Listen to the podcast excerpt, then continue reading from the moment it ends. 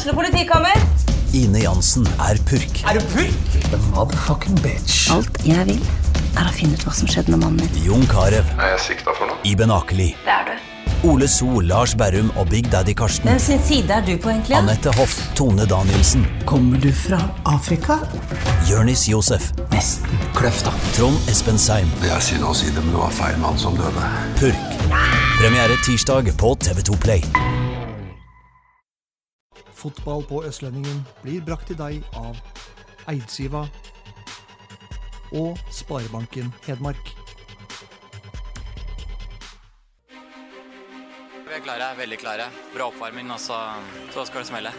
Vi gleder oss til match. Tørråsen på henda, den går i mål! Seriøst skyter via et bein, og så går den i mål! Legger mot Kvartan Nordli som skårer. Og den går i tverrlegger! Og så kommer han opp, og så går den like utenfor.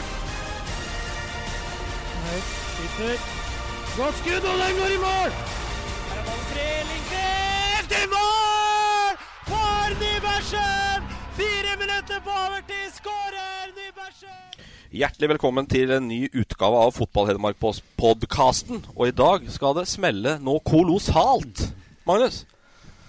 Ja, i dag Jeg snakka med litt folk i går som mente den her hadde potensial til å bli tidenes podkast, så da Kan bli bra, tror jeg. Skummelt å melde det tidlig, men eh, det er eh, Vi har fryktelig store forventninger, og det blir kåsering på høyt nivå her eh, med gjesten. Og vi får se hvor mye vi klarer å bidra, Balstad. Jeg tror det blir snakket om det i stad, det blir både andre og tredje og fjerde fiolin i dag. Så det blir, eh, det blir spennende. Jeg tror det blir mye gode historier fra, fra fjellet.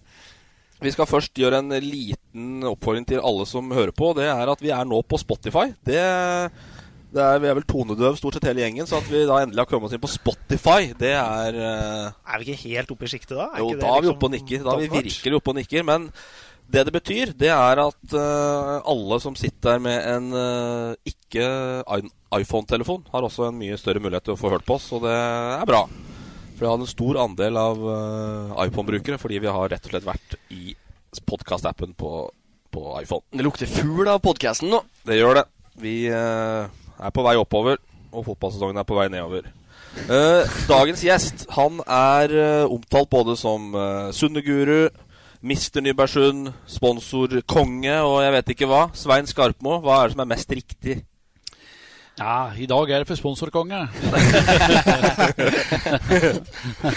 Det var Mister Nybergsund lenge der, da. Eh, ja da. Eh, jeg har jo vært med i 40 år sammenhengende, hvis en skal ta, og det er jo fortsatt i Sunne Fotball AS, da, som eh, Det er faktisk et ganske bra trykk. Ja. Så der er det en del å gjøre. Du var nervøs for teknikken her nå, men dette har vi kontroll på. Så konsentrer deg om historien, du, så skal dette gå helt strålende. Ja, for alle som kjenner meg, vet jo at det er ikke verdens mest teknisk anlagt, så det er ikke rart de spør om det, altså. Nei, nei. nei, men vi begynner på vår sed- sedvanlige runde før vi skal innom eh, Innom Sunne-historia fra Vebjørn Sætre til Kim Ojo. Vi må dra den linja der. Eh, men først litt om eh, Litt om det som nå rører seg. Elverum fotball, der har Jon Nersveen valgt å tre til side. Er det noe vi tror på, eller klarer han litt litt abstinenstro på hytta der eh, tidlig i, eh, i februar? Der så er han tilbake, eller? Jeg tror, han, jeg tror han gir seg som, eh, altså som den formelle assistenten. Det tror jeg han er innstilt på. Men eh, jeg tror ikke det går eh, mange øktene i desember før han er innom og, og sier hei. Det, det tror ikke jeg. Men at eh, jeg tror han er innstilt på at nok er nok. Men at han, eh, som han sa sjøl, han kommer til å lufte bikkja en del eh, i halv fem-draget nede på, på Elverum stadion. Så vi kommer nok til å se han. Men Svein eh, han er jo sørskogbygning, men han er vel en sunning, god som noen nesten. Han skrev vel ganske elegant inn i den kulturen oppi der. Ja, han gjorde det. Så jeg har han på skrive opp der, jeg ikke å komme tilbake til den senere. Men han Jon er jo Han gled jo inn noe kolossalt, og det var første spilleren ifra utetter som vi bevisst skaffa oss sundet, Ja. Så var det før sesongen 1981. Eh, Vi hadde et bra lag 1980, ble nummer eh, tre da Flisa rykka opp. Og, eh, og da hadde vi fått at en Willy Storsnes, Erland Kjern i et år. Og vi trengte egentlig en god en til. Og Jon Ersvin han kjente jeg godt ifra jeg var på Erlend Sport. da. Mm. Uh, og, og, da var han jo på kretslaget. Han var jo sør, Sørskebygdas suverent beste og spilte på kretslaget i Sørøstrand. Og så var det type som passet til den sunderkulturen, som var akkurat som Jon Alihop. Uh, Helt gæren. ja, det var jo nesten det, da. Og så var det klart han hadde et annet rykte som passet òg bra, for det var jo, det var jo bygdefester her lørdagskveld. Og, og det, det, var jo fælt trykk rundt Sunderbordet, kaffedoktorbordet. Og kanskje litt misunnelse mye, og det var noen harde tak, og da passet jo Jon bra, for der kunne ørteven sitte løst. da. Så han Jon Grieg glimrende inn, og nå så jeg hytta svar i Trysil, og det er nesten slik så han kunne i stedet for å lufte bikkjer klokka halv fem, så kan vi finne inn jobåten i Trysla. Så da er det mulig vi starter bygdefest igjen. Ja.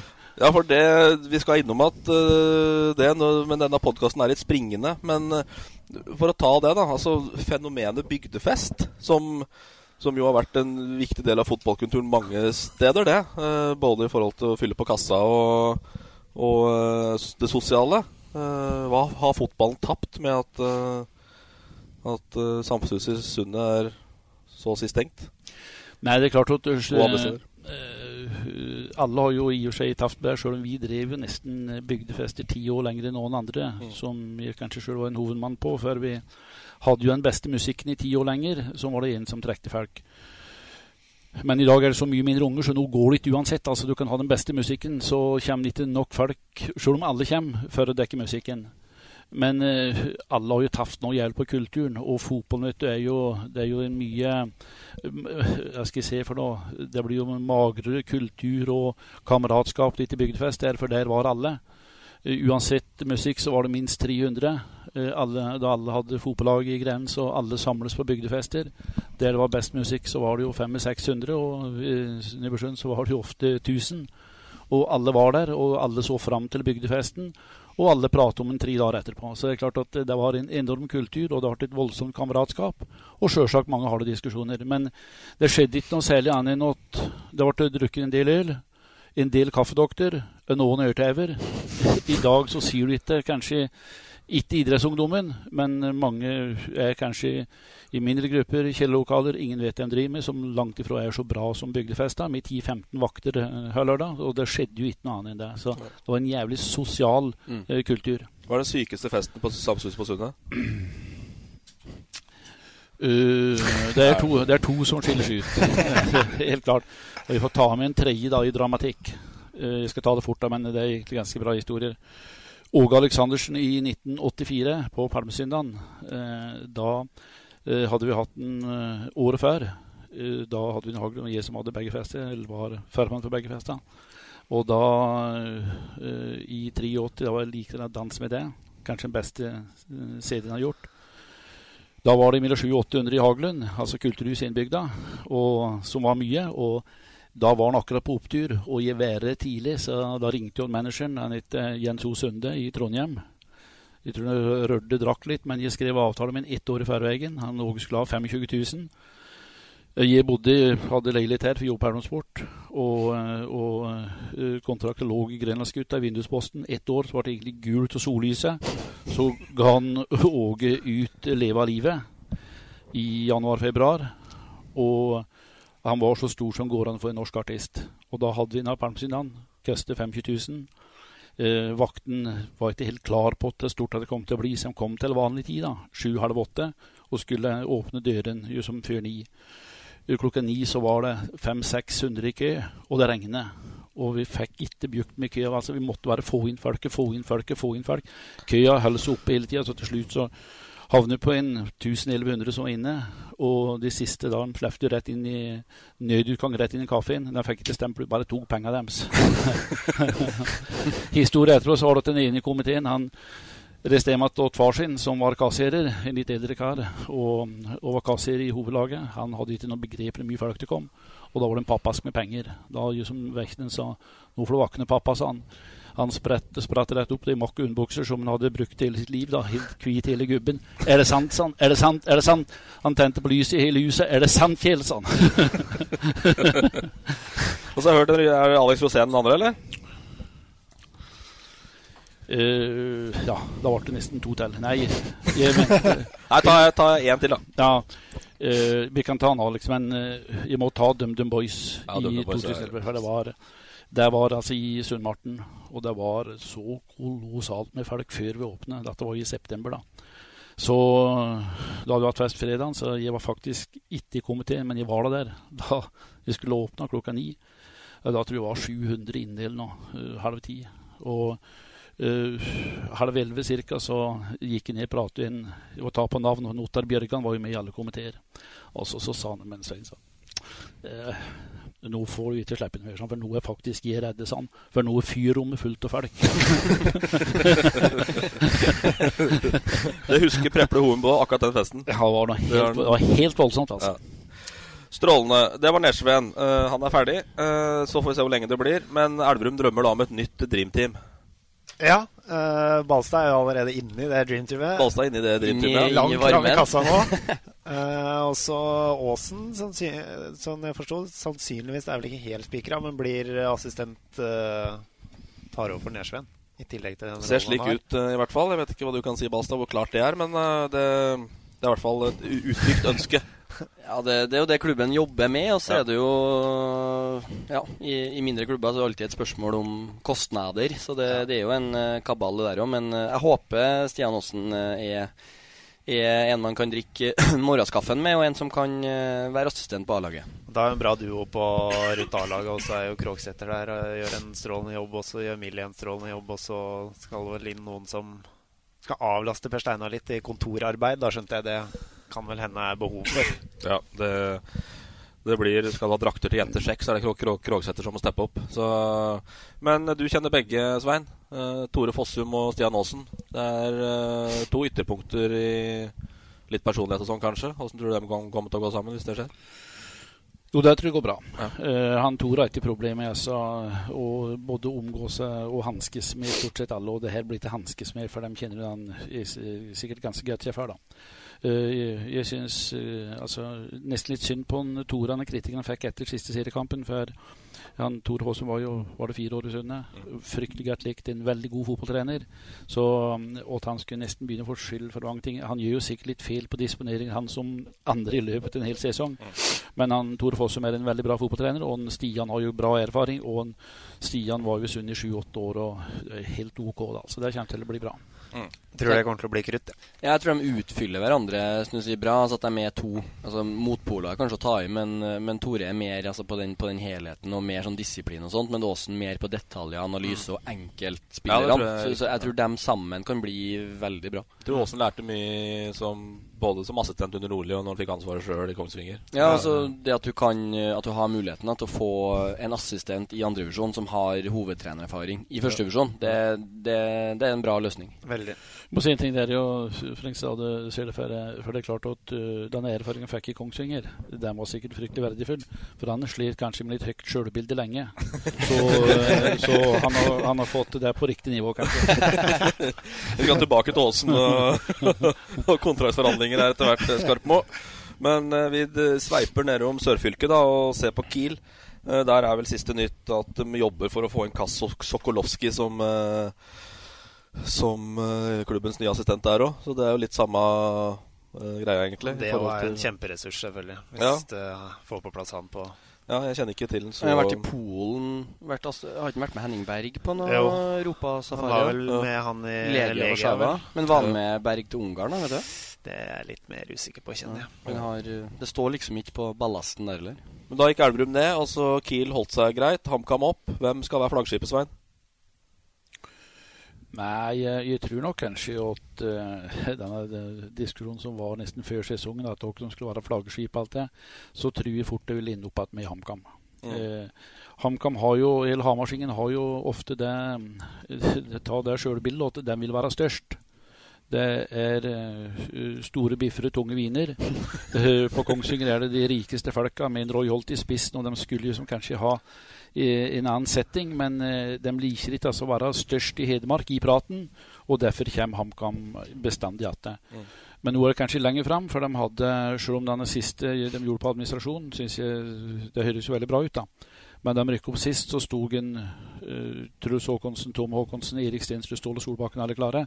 Vel kanskje et stykke opp på nivå på dem som var der da. Mm. Så administrasjon blir det, blir det viktigste ordet, Mm. og inkludert det å skaffe penger. da. Ja, for da hopper vi elegant dit over til førstedivisjon slash andredivisjon, da, Ham HamKam. For det, vi satt jo her i podkast for akkurat en uke siden. Eh, så la vi på røret, og så kom det en liten eh, varsel på telefonen at eh, eh, den mest omtalte mannen i podkasten siste halvår, Meran Ansari, er da ansatt i HamKam som markedssjef. Og da, øh, det var, Jeg vet ikke om det var samme dag eller dagen etter. Da var det signert avtale med Norddialog. ja, han eh, Meran han smir, smir mens jernet er varmt, han. Så jeg tror han blir en, en ressurs til HamKam. Og jeg, snakker fortsatt mye med Meran, og det spesielt det med omdømmet eh, til HamKam skal opp. For det, da liksom det har ikke vært eh, strålende siste årene med, med, med mye som har skjedd, men eh, nå har de liksom en positivitet i klubben. De får inn Meran som, eh, og Riise ikke minst, som, som egentlig elsker klubben. Så, så er det som, som Håkonsen sier, altså det er en yngre garde som eh, yngre og, eller ungt og lokalt da, som skal, som skal være det HamKam skal stå for fremover. Så jeg, så jeg tror det blir veldig bra med, med Meran. Og så får du det med Riise og med Meran, så får du to som virkelig brenner for her. Som syns det her er jævlig gøy. Og for Riise så er det eneste klubben som fins. Og for Meran tror jeg det, uten at jeg kjenner den like godt som deg, Balso, tror jeg det er nærmest drømmejobben. Ja, det... Så jeg tror du får liksom to folk som kommer til å jobbe ræva av seg for at det her blir bra. Altså. Men der får du litt altså Vi snakka om at Fossum og, og, Åsen er litt sånn uh, motpoler. Det får du kanskje litt i Meran ja. og òg. Så der Meran blir, blir, litt mer uh, cowboyen og, og fram med, med revolveren, så blir Riise han som kanskje setter på håndbrekket og som, er, som, som, styrer skuta. Så at de utfyller hverandre bra på, på jobben, og det, det er ikke jeg i tvil om. Men da har vi jo Balstad her, ny markedssjef i Elverum. Og så har vi Ansari, ung og lovende markedssjef i HamKam. Da har vi veteranen her. Da får kjøre markedssjefskole, da. ja, spørs det. Ta i helg i Trysilfjellet? ja, det kan vi gjøre. Ja. Blir påsken, ja. ja, faktisk er det ganske mye foredrag om ting her som vi gjorde da vi var som verst, så det skal jeg få til. jo, men, det, men det, er, det, er, jo et generasjonsskifte her nå, Svein, i forhold litt til dette her. Altså at HamKam som stor klubb ansetter en ung, uh, ung fremadstormende uh, på det på det du har drevet med i alle år, og Elverum fotball gjør det samme. Mm. Uh, så Det er jo en slags sånn foryngelse her. og det, hva, er det de må, hva må de lære seg for å være litt seriøs på det? Og jeg tror altså, som, som du Balstad ble sagt her nå, at lære seg Det viktigste er å, å, å, være ivrig. Og ville jobbe mye og være ivrig. Mm. Du må være på farten hele tida og kjenne folk. Mm. Og for Det er jo å være på farten og ha kontakter hele tida, få flere, flere, flere. Og så, opprettholde dem. Det er jo det som er mye og sponsorarbeid. Og, og, det er klart at uh, i dag skal de gi oppfølging. Og så, ja, vi kan jo bruke Elverum håndball, da. Uh, han, uh, Kalle. Kalle Bjørkman, ja. Det er jo som et godt eksempel. Han prater opp inn i utpust, vet du, så mm. går nesten i lav høyde i stor gate her. Men han er jo flink, og det er jo litt den stilen du må ha for å få til det. Mm. Men det er å være på farten hele tida og kjenne folk. Det kjenner folk. Hvis ikke så du, er du sjanseløs. Mm. Mm. Hvor har du bygd mest relasjoner hen? Ja, eh, det saklige svaret er på mange ting. At, uh, det er at jeg har drevet lenge. da. Jeg drev veldig lenge da jeg var uh, markedssjef. og, der, altså. Eh, for kontinuiteten så var jeg ganske flink på å gå innom og prate fem minutter eh, da jeg ikke skulle selge eller noe. Eh, som jeg gjør nå, det er mitt største prosjekt. og lurer på jeg driver mest, er jo sommerskiskolen med i Trysil, som er nå Norges største sammen med Oddbjørn Hjelmeset på Beitostølen. Men, eh, men, det driver jeg akkurat på samme måten. Og jeg hadde rundt 90 sponsorer til et skirenn på en dryg time. Med bra VIP-opplegg nå i sommer. 4000 tilskuere en torsdagskveld i Trysil. Uh, men jeg bruker samme, samme malen. Jeg er innom mye og, og bygger, bygger, relasjoner. Mm. Og holder jævlig trykk på det. Det er det som er greia. Mm.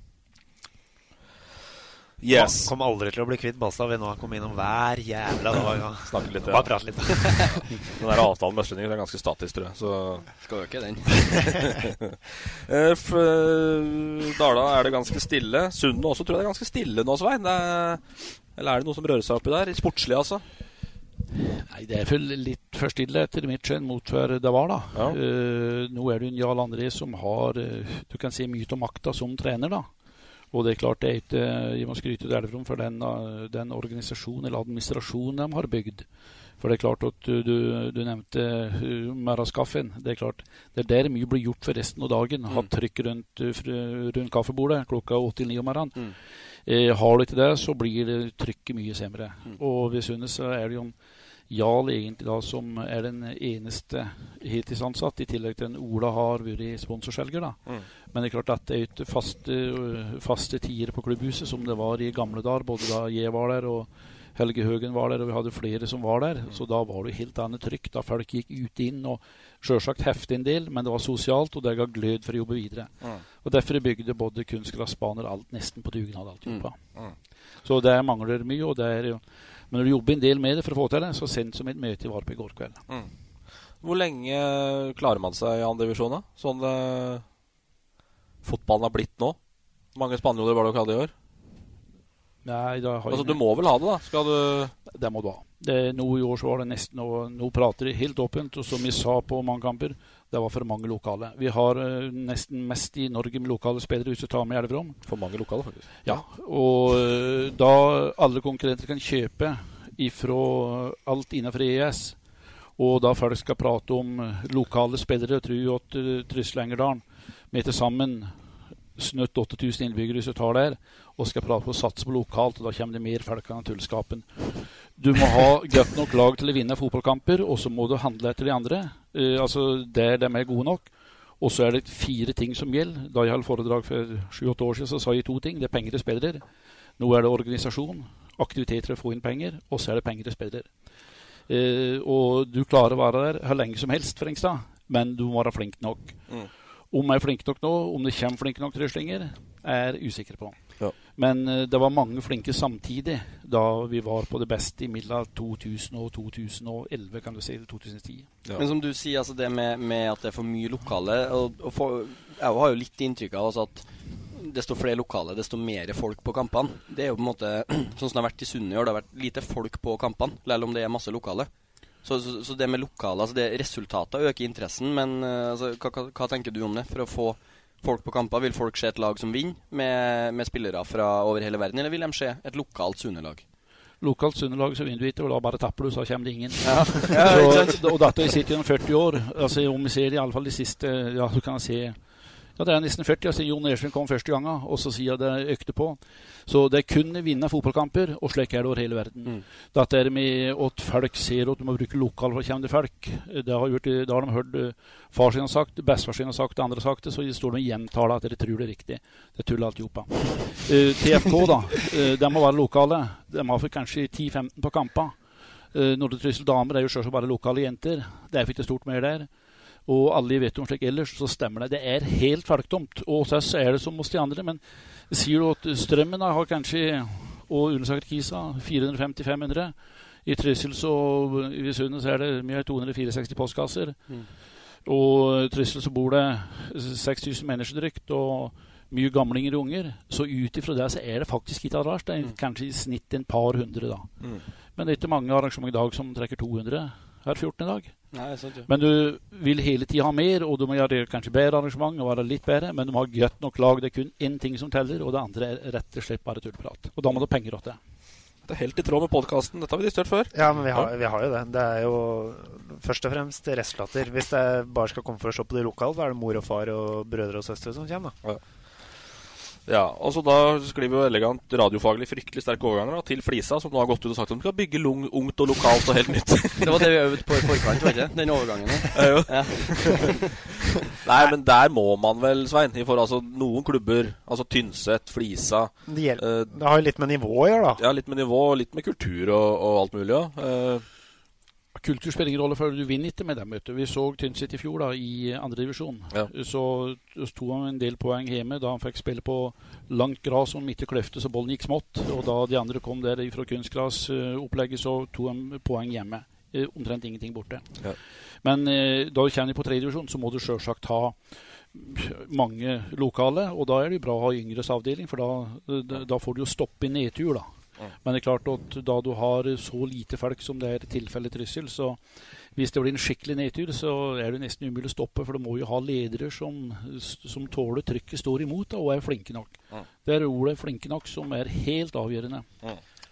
Men du har jo gjort en fryktelig sterk resignering av Chris Nomang-gjengen. Der har du jo liksom Der har du jo flere posisjoner dekka allerede. Keeper, back Så det er jo det er den viktigste signeringa. Multispiller, ja. Ja. Assistent, trener, Ja, sportssjef. sportssjef. Ja. Det, det er en mann med, med mange roller. Ja, det er sagt at både Omang Engen og uh, veteran Mergim Taki blir med videre. Samme, så er det også skrevet her at Øyvind Damme er inne i trenerteamet igjen. Jeg vet ikke hvor mye han skal bidra nå, men det er i hvert fall et navn som klinger på flisa. Ingen tvil om det. Han kjenner jo Flisa-fotballen Kjenner jo meget godt. Flisa-fotballen meget godt. Uh, Tynset er det ikke så fryktelig mye nytt under solen. Der er det Mats Lund som driver og signerer spillere for NS nå. De skriver kontrakter til 2020 nå, Lund. Fryktelig opplegg oppå der. Lund eh, bygger han. Ja. Kan si om, kan si om Lund, eh, Skarpmo? Jo, jeg er meget godt orientert om Lund, for å ta det. For Faras jobber en meter bak ryggen på meg. Så det er kaffe deres eh, hver dag jeg er på kontoret da jeg er i Trysil. Så jeg er uh, sjelden godt orientert. Og uh, Mads Lund har jeg bra tro på. Uh, de Lund-gutta er flinke folk, da. Alle sammen. De er lure i huet sitt og allsidige. Og for Tynset så er det et skup å ha han der. Han jobber sikkert på alle områder, mye mer enn det kanskje meningen var, og som mange andre gjør. Men, han, eh, men for å komme videre, jeg pratet med et par år før han dro til Tynset, da han trener Engerdalen, og alle Engerdal blir jo som litt slik der eh, mister Engerdalen, og Engerdalen er det største i verden og alt dette, og vil sjelden reise bort da. Eh, og slik var det med han òg, og den hadde jo jævlig suksess. Han leder, fikk jo Engerdalen så langt som du kan få den klubben der det nesten er folketomt. Men jeg sa da at den største ulempas, eh, eller utfordringa, for å bruke riktig ord, eh, det er at han har ikke erfaring på høyere nivå, verken som spiller eller trener. Han skulle ha vært assistenttrener i Sund under Ola, for altså lært mekanismen i garderoben og slike ting. Hadde du hatt den, da, da alle bør ikke ha spilt i førstedivisjon eller et eller annet slikt, eller andredivisjon. Men han har ingen til å dele av. Og det er klart at kommer du litt høyere opp, og du møter mange vanskeligere spillere, altså vanskelig i garderoben, dette kjenner jo Ja, ja. du til, så er det lett å han til dem de ikke kan mekanismen. De kan gå en fotballsko rett over hodet på ham, og de kan gå alt midt i treningen. og Det gjør ikke noen Engerdal i Tynseting. De står der og hører på. Ser, altså. Skal de hjem og kaffe og vafler om kvelden. Så, så jeg tror at der får de utfordring. Ja. Men var det noe, har det vært gang aktuelt at han skulle inn i Sundet på noe vis, eller? Ja, vi spurte som en, en assistent da, for to år siden. måtte være. være. Men da ville han være tre- fortsatt og så hadde han bare mål om å bli hovedtrener. Så argumentet var greit nok, da han ville bli hovedtrener. Men jeg sa da eh, Arne Faras eh, så sent som i forrige uke jeg er uenig i at han ikke tok en assistenttrenerjobb, men da, vi, da var det så fælt flyt i Engerdal. Så jeg, som, jeg sier jo at det var vanskelig. For hvis liksom disse misteroppleggene slutter, så er det jo vanskelig å ha flyten videre. Mm, mm. Det går ofte ett år, men det andre er vanskelig, og da får vi se om det stemmer med Engerdal nå. Ja. Eh, Vi sklir elegant over til breddefotball fjerdedivisjon. Der er avdelingene klare på Innlandet. Ja, det er, det er sterk overgang igjen, da, for Ja. der finner vi Engerdal. Ja. Dette kan du, ass. Morgensmøte, vet du. Brifa, brifa Ja. dagens sending. Der har de jo da delt eh, Oppland og Hedmark eh, på langs uh, igjen. Eller i hvert fall sånn sendt noen hit og noen dit. Så det er ingen ren Hedmarksavdeling og ingen- ren Opplandsavdeling. Jeg savner jo fjerdedivisjonens mest omtalte lag, da. Fron. Fron, ja. Gikk ned med bravur. Ja, det er femtedivisjon. Ja, det er femtedivisjon. da. Synd. Ja, ja, det var uh, fortjent nedrykk, egentlig. Ja, kalkulert. ja, det var det. Nei, ja, men Da ender vi opp med Engerdalen, Trysil, Flisa, Kiel 2, Eidskog, Sander eh, og HamKam 2 og Furnes. Og Riddabu. Og Riddabu. Der var det kanskje ganske mange hedmarkslag, faktisk. Den avdeling to den skjer jo bare sånn på, på stående fot, da, med Fåberg og Lillehammer og, og Flisa. Flisa, ja, og Trysil, eh, som på en måte er bra fjerdedivisjonslag. Det Mm. blir, blir tøft å få den ene plassen som uh... Og både HamKam 2 og Kongsvinger 2 har jævlig lyst til å rykke opp, sikkert. Ja, ikke minst HamKam 2 og Kiel 2 ja. Det, det er mange som vil ha den førsteplassen der. Altså. Ja. Og den, ja, avdeling to er nok vesentlig bedre, ja. Ja, jeg tenker det òg. Og det konkluderte vel også Snakket med en mann i Domkirkeodden i går som uh, konkluderte med det samme. Og de var egentlig ganske glad de, for å havne i avdeling én Mm. og, du- og må fise over til Redalen og, og Dokka istedenfor å dra til Eidskog. Redalen som rykker ned, og så har du Gran og, og Kolbu, som eh, altså Toten er vel sånn midt på treet, men Gran og Kolbu er jo bra. Fjerdedivisjonslag. Og Redalen rykker ned. Nå vet jo aldri om hvordan det slår ut, men eh, avdeling to ser ganske mye sterkere ut. Mm, mm. Yes. Uh, og så er uh, fjerdedivisjon i Trøndelag eh, har vi ingen lag, men vi har uh, da fått uh, Alvdal ned i femte.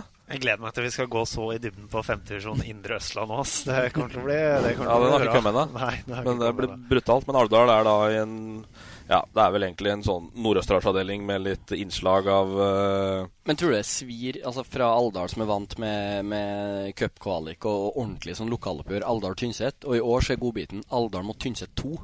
Ja, det er jo Svir det ordentlig? Det er akkurat sånn det skal være. Ja, Ja. Men for, eh, for han eh, svømmeføttermannen altså, tror, tror du det der altså, Skjer det oppsettet her, da?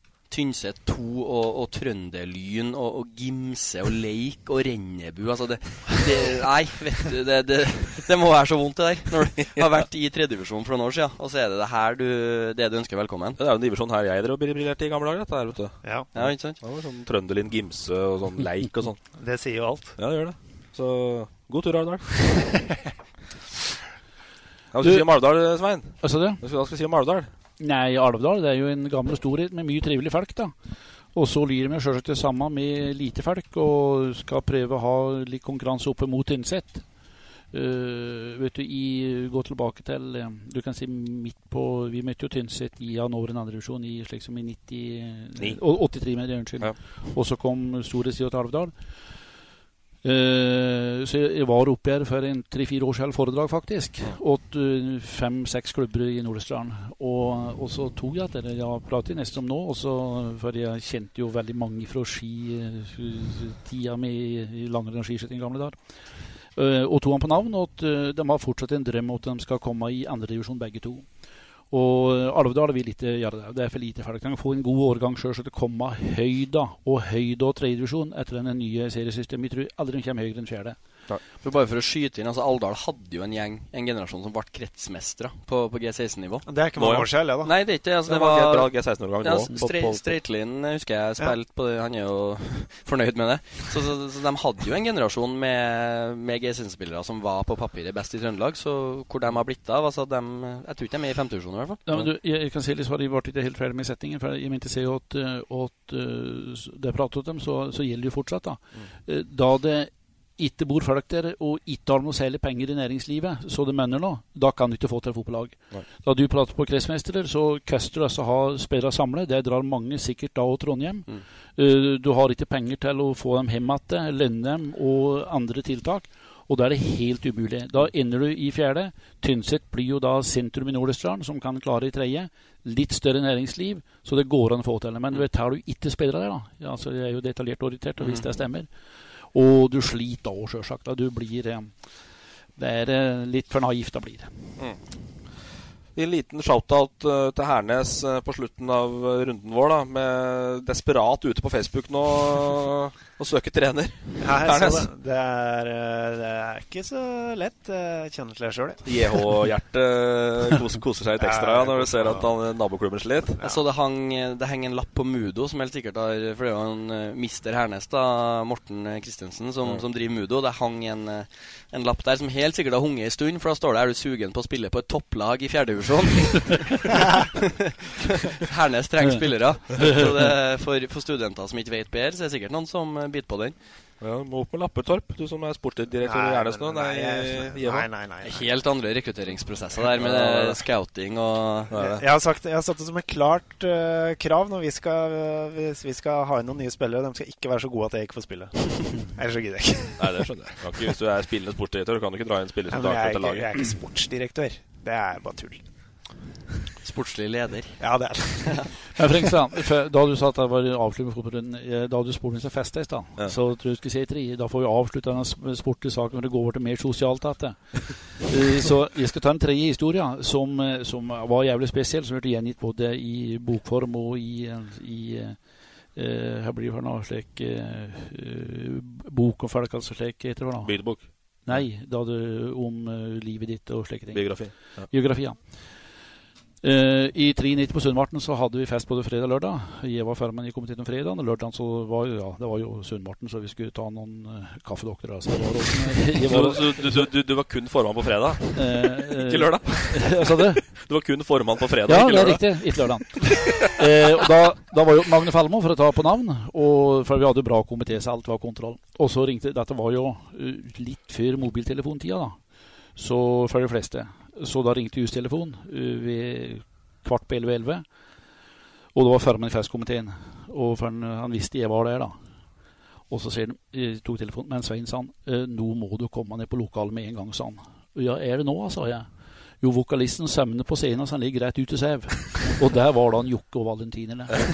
Så der var den største, mest negative historien de hadde da de tok karrieren sin. Nå er den Jokke dessverre død, da.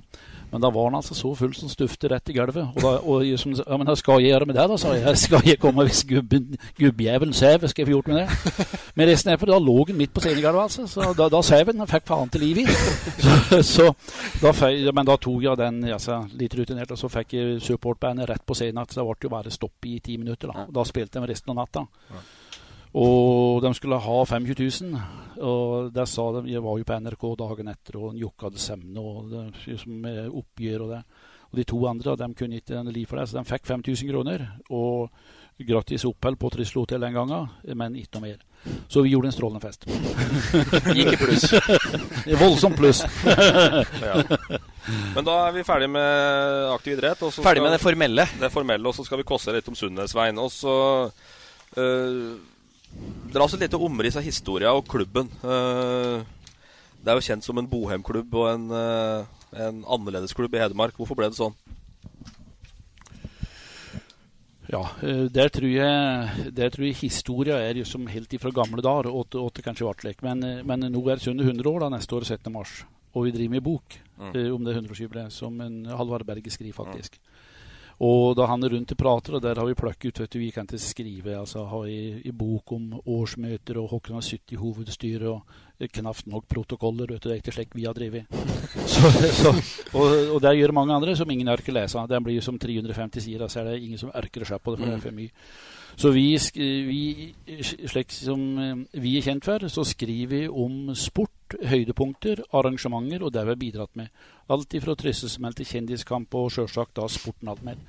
Men ved svaret svare på spørsmålet så var det vet du, fra gamle dager så Vi får ta etter krigen, for å ta det kanskje litt før òg. Så bodde jo da dem som fikk kontorjobber og slike ting, dem bodde i Trysil sentrum, altså innbygda. Og de andre, dem som drev i skogen og linjearbeid i det som er eh, Eidsiv i dag, som er sangfesten de bodde jo som ofte ved Nybergsund og sørover. Og dette ble jo slik, så de ble jo fysisk sterke og tøffinger. Og med det livet så følte kanskje med litt mer drikking, og så var det bygdefester. Så dette ble jo tøffinger. På festlokalet det var så mye sterke sønninger på den tida, på 40-, og 50- og 60-tallet.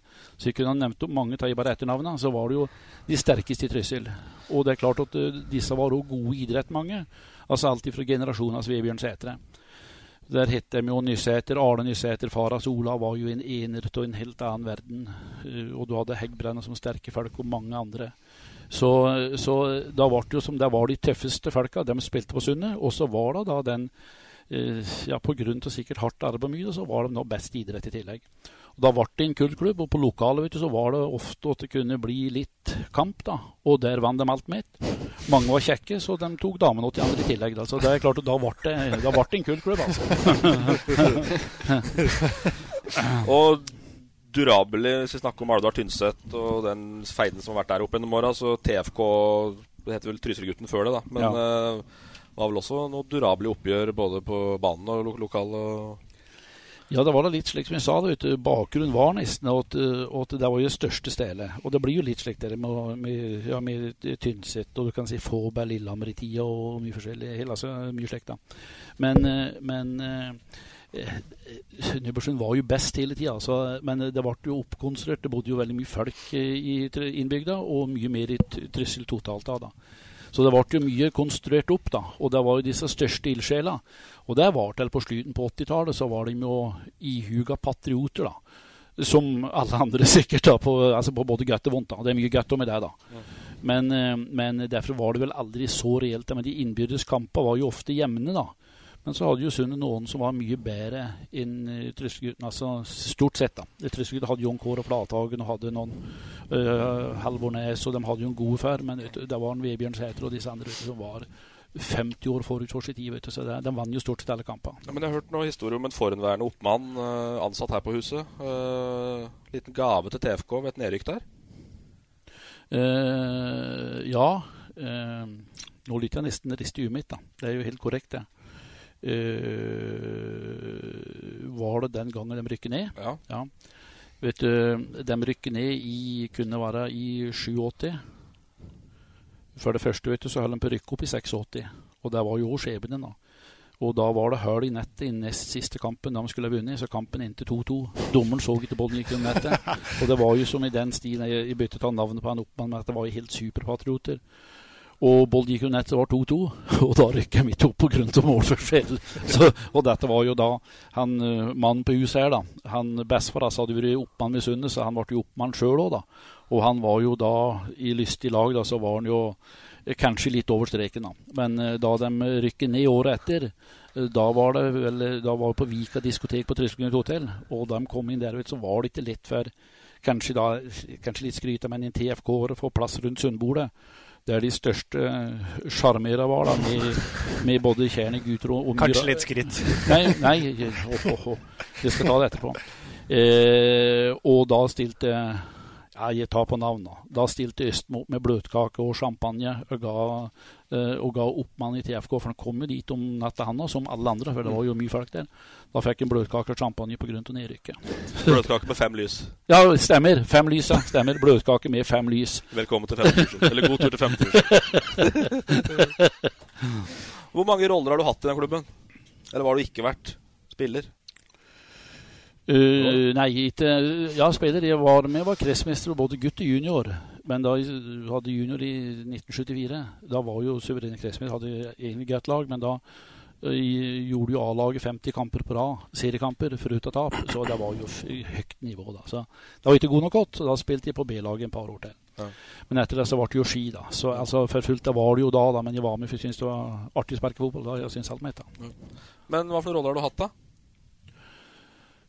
Jeg har aldri stått som ren førmann i klubben. Men Nei, og det var jo et problem, husker jeg. Eller problem, altså det var noe Når vi skulle ringe for å få Sunne-nyheter og Mm. sine ting, så måtte vi ringe Du sto ikke på noe papir noen plass, men det var deg jeg måtte ringe hver gang. ja, jeg har jo stått du La ut! Vet du, I gamle dager for å si litt gamle dager, så, så hadde vi sportslig utvalg, kalte vi en ting. Den en Ottar Bjørgan og jeg satt. Og så kalte vi en ting seniorutvalg. Da hadde vi både min Bosse Halvorsson og Kjell Sole med det, først på 90-tallet. Og vi jo, hadde jo ganske fæl påvirkning da, med å skaffe penger. Men sportslig var jo mer reelt, da. Der satt en, eh, der satt en Bjørgan da, i lag i veldig mange år, og Mathivan Falmo var med litt på slutten. Men dette var før opprykket og Adek-ligaen, for da ble det jo dette med agenter og da, vet du, da går ut an å være self-made, sitte prate halvdårlig engelsk, jeg tror jeg skal få til overganger, vet du. Men, men jeg har hatt stort sett alle vært mest da markedssjef, eh, da sjef for Sundmarten, Trøsselsmellen, Kjendiskampen. Så jeg har jo vært stort sett på de mange slike viktige ting, da. Men jeg har ikke vært førmann i klubben. Og Ja. daglig leder var i fem år. Ja, ja. Hva er det beste Sunne-minner du har, da? Ja, det er klart at det, det er jo eh, Det er sikkert mange slike eh, eh, Akkurat øyeblikkets opplevelse. Men det lytter jo bli opprykk i 2007, samtidig som vi slo Vålerenga. Ja, du, var, bra bøs når du sto på fysiobenken eh, på Tønsberg stadion da? Ja, det var jo jævlig artig. Det lå i lufta. så klart Det var jo etter tre kamper eller mange det var etter. Men det er klart at det skal rykke opp da du som har kjempet så hardt for det hatt den sesongen. Men å føye til én ting, så jeg, da får det Kørme, som ikke er, tror jeg litt korttidsminne Da vi slo ut Fredrikstad runden før Vålerenga uh, borte, Mm. 2-1, det var mye bedre prestasjon. Mm. De var regjerende norske mestere, og Sundet vant 2-1 på Fredrikstad stadion. Mm. Men det er klart opplevelsen med Vålerenga, med 4300 tilskuere på Sundbanen, som egentlig ingen trodde da skulle klare en gang til, det var jævlig artig. Det, da. Så det, var, det var jo nesten uvirkelig å skulle få til det. Mm. Men opprykket da med 264 postkasser, og det trykket som vært over flere år, da, og vart over flere år. For, eh, for det er klart det var jo Og det er jo i og for seg i dag òg, men altså det må bearbeides. Det er den jobben du skal begynne med nå, Balstad. Med å ha tid til det, ha trykket til det, evne til det. Så er det klart, i mellom 2008 og 2012 solgte de sponsoravtale for 35 millioner. Ja. Og det skal være fæl interesse for å få til det. Altså. Men, nå, men når ble det på en måte realistisk for en klubb som Nybergsund å tenke at vi kan rykke opp til nest høyeste nivå i Norge? Det var jo en bra stigning vet du, både 2004-2005, så det lå litt i kortet at alt var mulig. Eh, og da bare utviklet sånn Ola Brenden var jo òg en jævlig pådriver vet du, på alle ting. Var god på spillerkjøp. Vi lå helt i over, altså, overkant av hva som var forsvarlig, da. For det må du jo, skal du få til ting. Eh, så jeg vil jo si at det bare bygdes opp over en tre-fire år, og til slutt så ble det bra nok, da. Mm. Ja, for det er ganske, det er ganske spinnvilt. Ja, det var jo et kolossalt lag. Men klart dere nøt godt av eh, medieavtalen som kom med Tippeligaen. For dem var jo på Afrika på storshopping, og så ble det jo all det eller så mye ledig for dere å bare plukke. Ja, uh, og så det er klart at uh, det ble mye, mye, mer penger på ting da. Men jeg må jo ta det negative på ting. altså det er jo bare, for Jeg var jo veldig sentral på å prate åt uh, kommunestyret og slike ting. Og jeg har tallene ganske nøyaktig på kravene som ble, ble pålagt. Vi, altså med mediehus, lysanlegg og hele pakka. Uh, de fleste, vet du, de fikk jo altså i tilskudd til kommunen, for alle kommuner de sier på fotball som et speilbilde til å flinke mer, vellykkede mer. Men det skjedde ikke i Trysil. de fleste fikk to, tre, fire millioner i tilskudd. Da Elverum rykket opp to år etter vi rykket ned igjen, da fikk de fem millioner i kontanter støtte av Elverum kommune og tre millioner i lån. Nybergsund fikk ikke noe. Og det er klart, Når du skal ta alle de kravene over drifta, så blir det kul, spent umulig. Og de samme folka skal si på uh, disse er visst ikke ansvar alt dette. Det gir til fem flate øre her. altså. Kommunestyret var nede på Sundet og pratet til dem. Men jeg vet ikke om de skjønner noe den dag i dag hva jeg sa. altså Det var helt blankt. altså. Totalt blankt. Og da er Inga Inga er litt noe imponert over. Gitt til fem øre for det. Nei, for politikere kunne det aldri blitt. Nei, da hadde Ørteven sittet fryktløst, så det er helt korrekt. ja, for du var jo fryktelig forbanna etter at For dere fikk jo nei til kunstgress òg.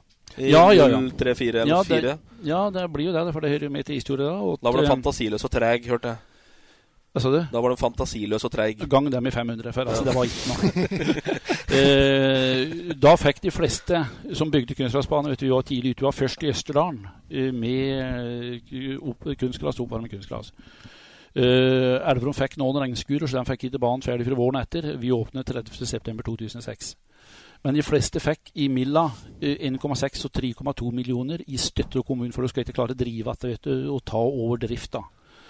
Uh, men jeg må gi ta bare ta, altså det, var en, det var negativ innstilling til rådmannen. politikere de elsker å si nei og slå ut med hendene og si vi har ikke penger. hvis jeg prater om dem. Men jeg tar, skal frede litt ordføreren. Han Ole Martin Nordrøg han gjorde egentlig en OK jobb. Og han, eh, han eh, var Millamann på noen sponsoravtaler. Og så fikk vi til slutt 750 000 av kraftfondet. Men det var ikke over kom, altså vanlig kommunebudsjettet, over kommunestyret. Men vi fikk eh, 750 000. Og eh, det er klart eh, Den satt jo langt inne, og vi måtte ta en liten bløff. For Sparebanken har gjort eh, et vedtak om at det første klubben som fikk uh, støtte, da skulle de gi det til alle andre som samme summen, som bygde kunstgras første gangen. Uh, jeg satt hos Nari Kontru, jeg kjente jo han godt, da. Og det var litt andre tider da. da. Jeg satt med Kontru på kontoret. Han ringer Ole Martin, jeg presser og han visste ikke jeg satt der. Og prøvde å få han til å gi en million, men han svørte så fælt og smatte så fælt, så han endte på 750. Så ja, såpass lytt det faktisk være. Uka etter da hadde jeg foredraget uh, Alvdal, ikke uka etter, kanskje tre uker etterpå. Foredraget Alvdal, da kom på Sjøen med hele delegasjonen, som ville høre jeg prate før vi finansierte banen. Betalte Betalt da i praksis kontant, da. Mm. alt sammen 9,9 millioner. Uh, og um, da ser han Borchhus, som var ordfører da, da, da var ferdig med praten.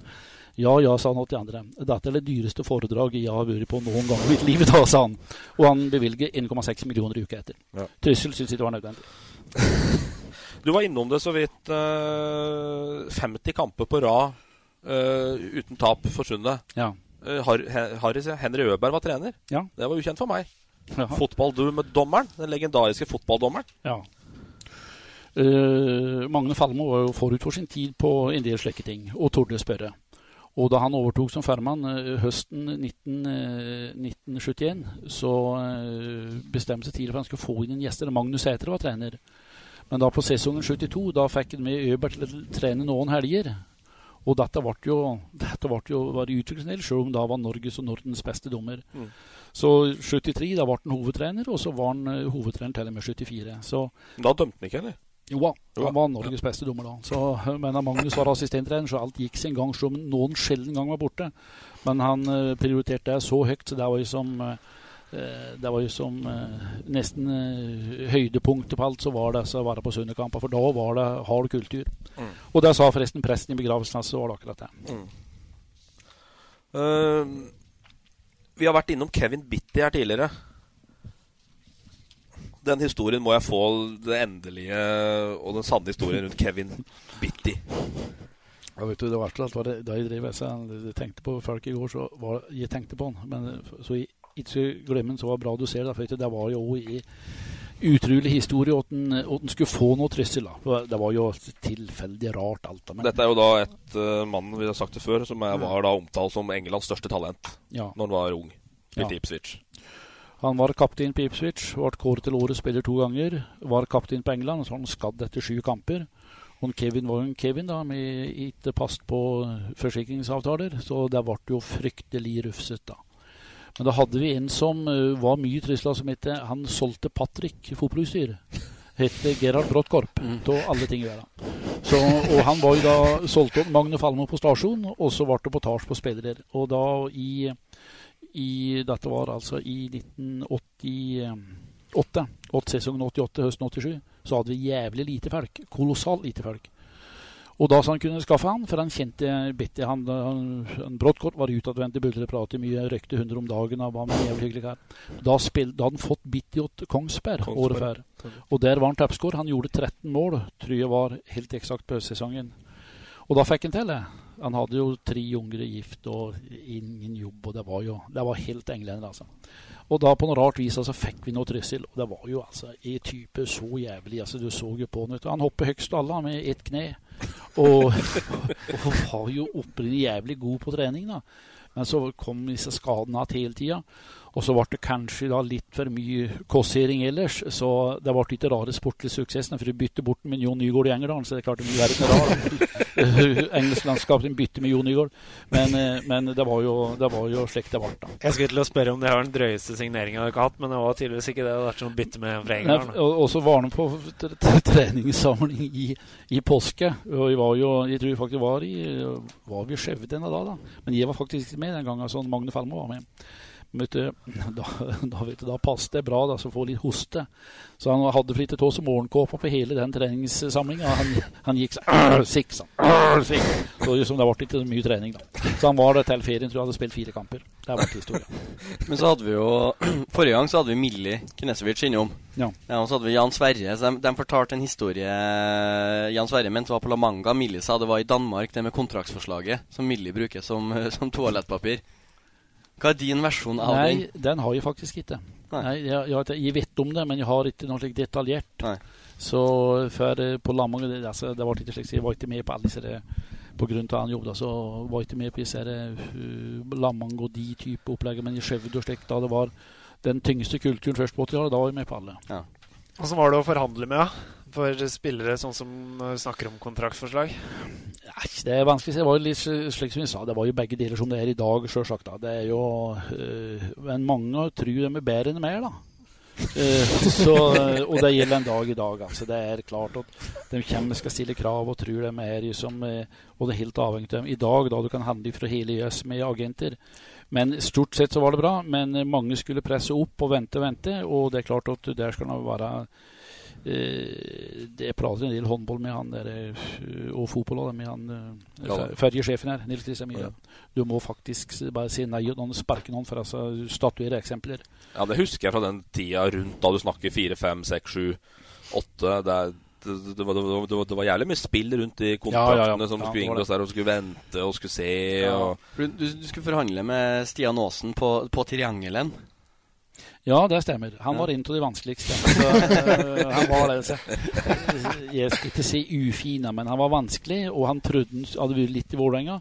Han trodde han var mye bedre enn han var. Og Som de advarte mot, altså type liksom Mats Ivan og eh, Vi hadde jo en Jeg skal ikke ta det, men verre gubber i systemet enn AS. da. Men han var jo for liten puslet og kunne aldri nå noe spesielt langt, mente dem. Han nådde ikke noe særlig lenger. Han var god på Sundet, kaptein på Sundet. En, en, bra spiller var det, men, eh, men forhandlingsnivået hans det lå nok høyt over hans sportslige nivå, selv om han var en god spiller. han Stian. Så han var en av de vanskeligste. Og derfor på Triang kommer i høy, vi kommer ikke høy. Vi ble alt mitt enige på noe slags vis, da. Men detaljen detaljene der kommer ikke høy. Satt vel ordentlig på plass foran fullsatt kaffe, tror jeg. Ja, det jeg hadde det jeg Vi har fått inn at du satte deg midt i rommet. Ring telefonen, ja. Bot, det. Vi slo til en sted. Vi slo til den, trodde jeg, da. Ja, men det var høflig, da. Du tok den, men du tok den? Gjorde du ikke? Nei, jeg slo til den. Nå får, nå får raringen ringe opp igjen. Det var faktisk en Olav Brenden.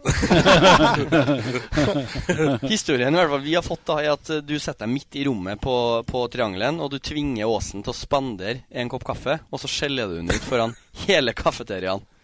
Nei, det er ikke sikkert det var langt unna sendinga. For jeg hadde, hadde en stil. Eh, så da jeg var eh, sportsleder og, var jo da sentral på penger og hadde prat hos spillere, eh, særlig da på vinter før sesongen. På budsjettet visste de penger gikk. Vet du, En fotballspiller eller håndballspiller de har ikke noe greie på dette. vet du. Hadde ikke da og har ikke i dag.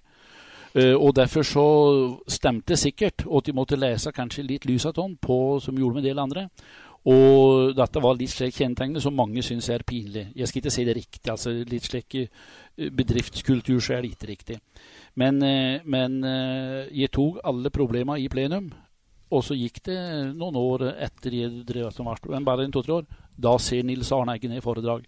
Du må ta alle problemer i plenum, da, vet du, sånn skal du få gjort nå. For vi skal ta én-én. Da har du ett mer problem etter møtet enn du hadde før møtet. Det kan jeg tenke på. Mm. Blir aldri ferdig, vet du. Og hvis jeg skal være hard åt én spiller alene, det hører han ikke noe på. Du går ut, så er det ingen som har hørt det. Akkurat like bratt i trynet etterpå. Men sitter 15, eh, med svette på ryggen, altså. Og dette er god erfaring med. Nils Arne Eggen gjorde akkurat det samme. Og da ble det stille. Han sa akkurat det jeg hadde gjort i mange år. Ja. Hva syns du om eh, kostholdet til Aasen?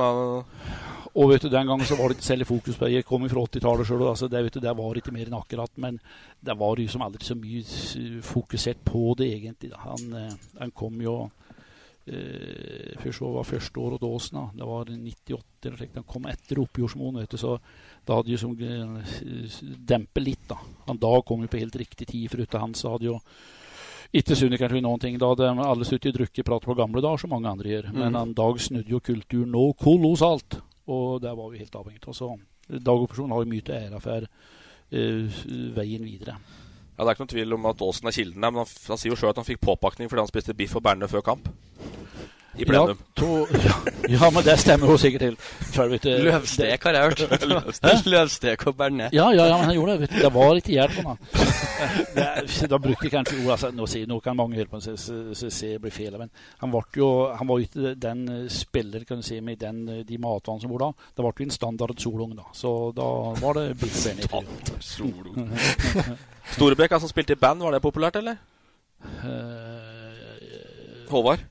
Ja, det var jo populært i, altså på, Ikke da det kolliderte, men jeg vet ikke om det var noe særlig problemer med det. Eh, han, eh, han Nei, man fikk, eh, Det er historie jeg har fått av Håvard. At han, og du, Håvard Storbykk! Det nytter ikke å sitte borti Hjørdalen og spille tuba og gitar hvis du skal bli fotballspiller. Ja, nei, men dette var litt sant. Tok til plenum. Ja, for det er denne, denne utkantsoppfatningen. Uh, vet den tror at det passer Altså, dem er ofte så er det ingen rundt dem som vet krava. Altså Ved Sund så har det vært høye krav. Da vi var gode på 80-tallet med Finn Nyland Håkon Otto Solberg som trenere, så var det for Sundet trener mye mer enn alle andre, som ingen visste om. Og det er klart at uh, da de skal høre på, selv om der var det bra foreldre borti som skjønte at det mye, men mange har jo ikke noen oppfatning av det som kreves. da.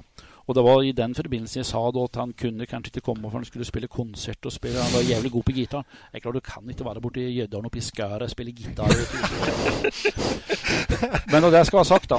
Da han gikk åt, da han gikk åt Odd Uh, da, han, da Sunne var i Adecco-ligaen, han gikk jo dit åt Fagermo. da Forresten, han var jævlig Fagermo var forresten jævlig utrivelig. Han skulle vente ut så 90 kast i kronene. Han ja, han gikk på utdanning, han gikk ja, på free transfer.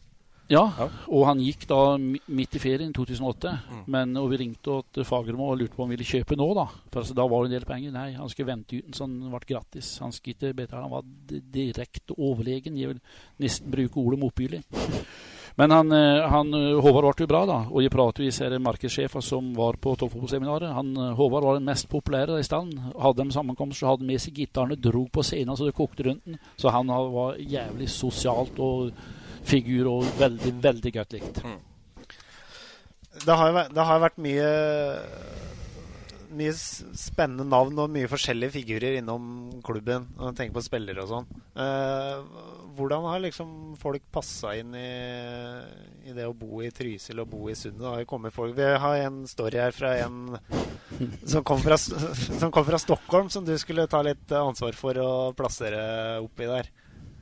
Jabba. Jabba eller et eller annet var det, tror jeg kallenavnet Jeg har aldri hørt om den, men Nei, ikke jeg. Jeg har bare Nei, blitt for- fortalt. storyen. Nei, for greia er i hvert fall at, du, at det var en fra Jabba fra Stockholm eller Göteborg eller et eller annet som du skulle ta ansvar for. Du dro og henta han. Eh, skulle ordne plass å bo, og kjørte den rett til den Trygve Brennen i Tørrberget og ga han en sykkel og sa at Å ja, nei, det var ikke meg i så fall. For- Var det ikke deg? Nei, det var det ikke. For en nedtur. Jeg har aldri kjørt noen Trygve Brennen. Det er, det er mange har bodd der, men det har aldri hatt meg gjort. Og Jabba, det er, jeg, jeg klarer å ta omtrent disse flestinga, selv om det mange sier kanskje det riktige alle, men det, det er ikke meg, altså. Greia var i hvert fall at han ble kjørt til Tørrberget og gitt en sykkel og sa sånn kommer du deg på trening, sykle fra Tørrberget til Sundet hver jævla dag. Den måtte være mer tilbakestående i en standard sunning hvis en skulle sykle og sunne på trening. Den tror jeg faktisk ikke. Det kan være mye rare beskjeder, mye rare husrom, det er jeg helt enig i. Dag Opersson fikk nå nesten noe til verste. Da mora kom på besøk, så måtte stå uh, i gangen og rope i den, for det var plass til begge to på kjøkkenet. Så vi har hatt mye rare leiligheter på grunn til selvsagt vanskelig på vinteren mye, da, på grunn til turisme. Men mange bor fryktelig bra om sommeren.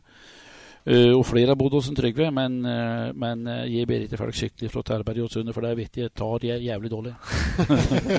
Men altså, apropos turisme og sånn. Altså, du, du har ut, eller uttalt at påska var blytung for din del. For da måtte du drikke hele uka for å få inn sponsorpenger. Nei, jeg må iallfall være utpå, så det, det jeg, ikke, jeg skal ikke bruke ordet blytung, for det er mye moro, da.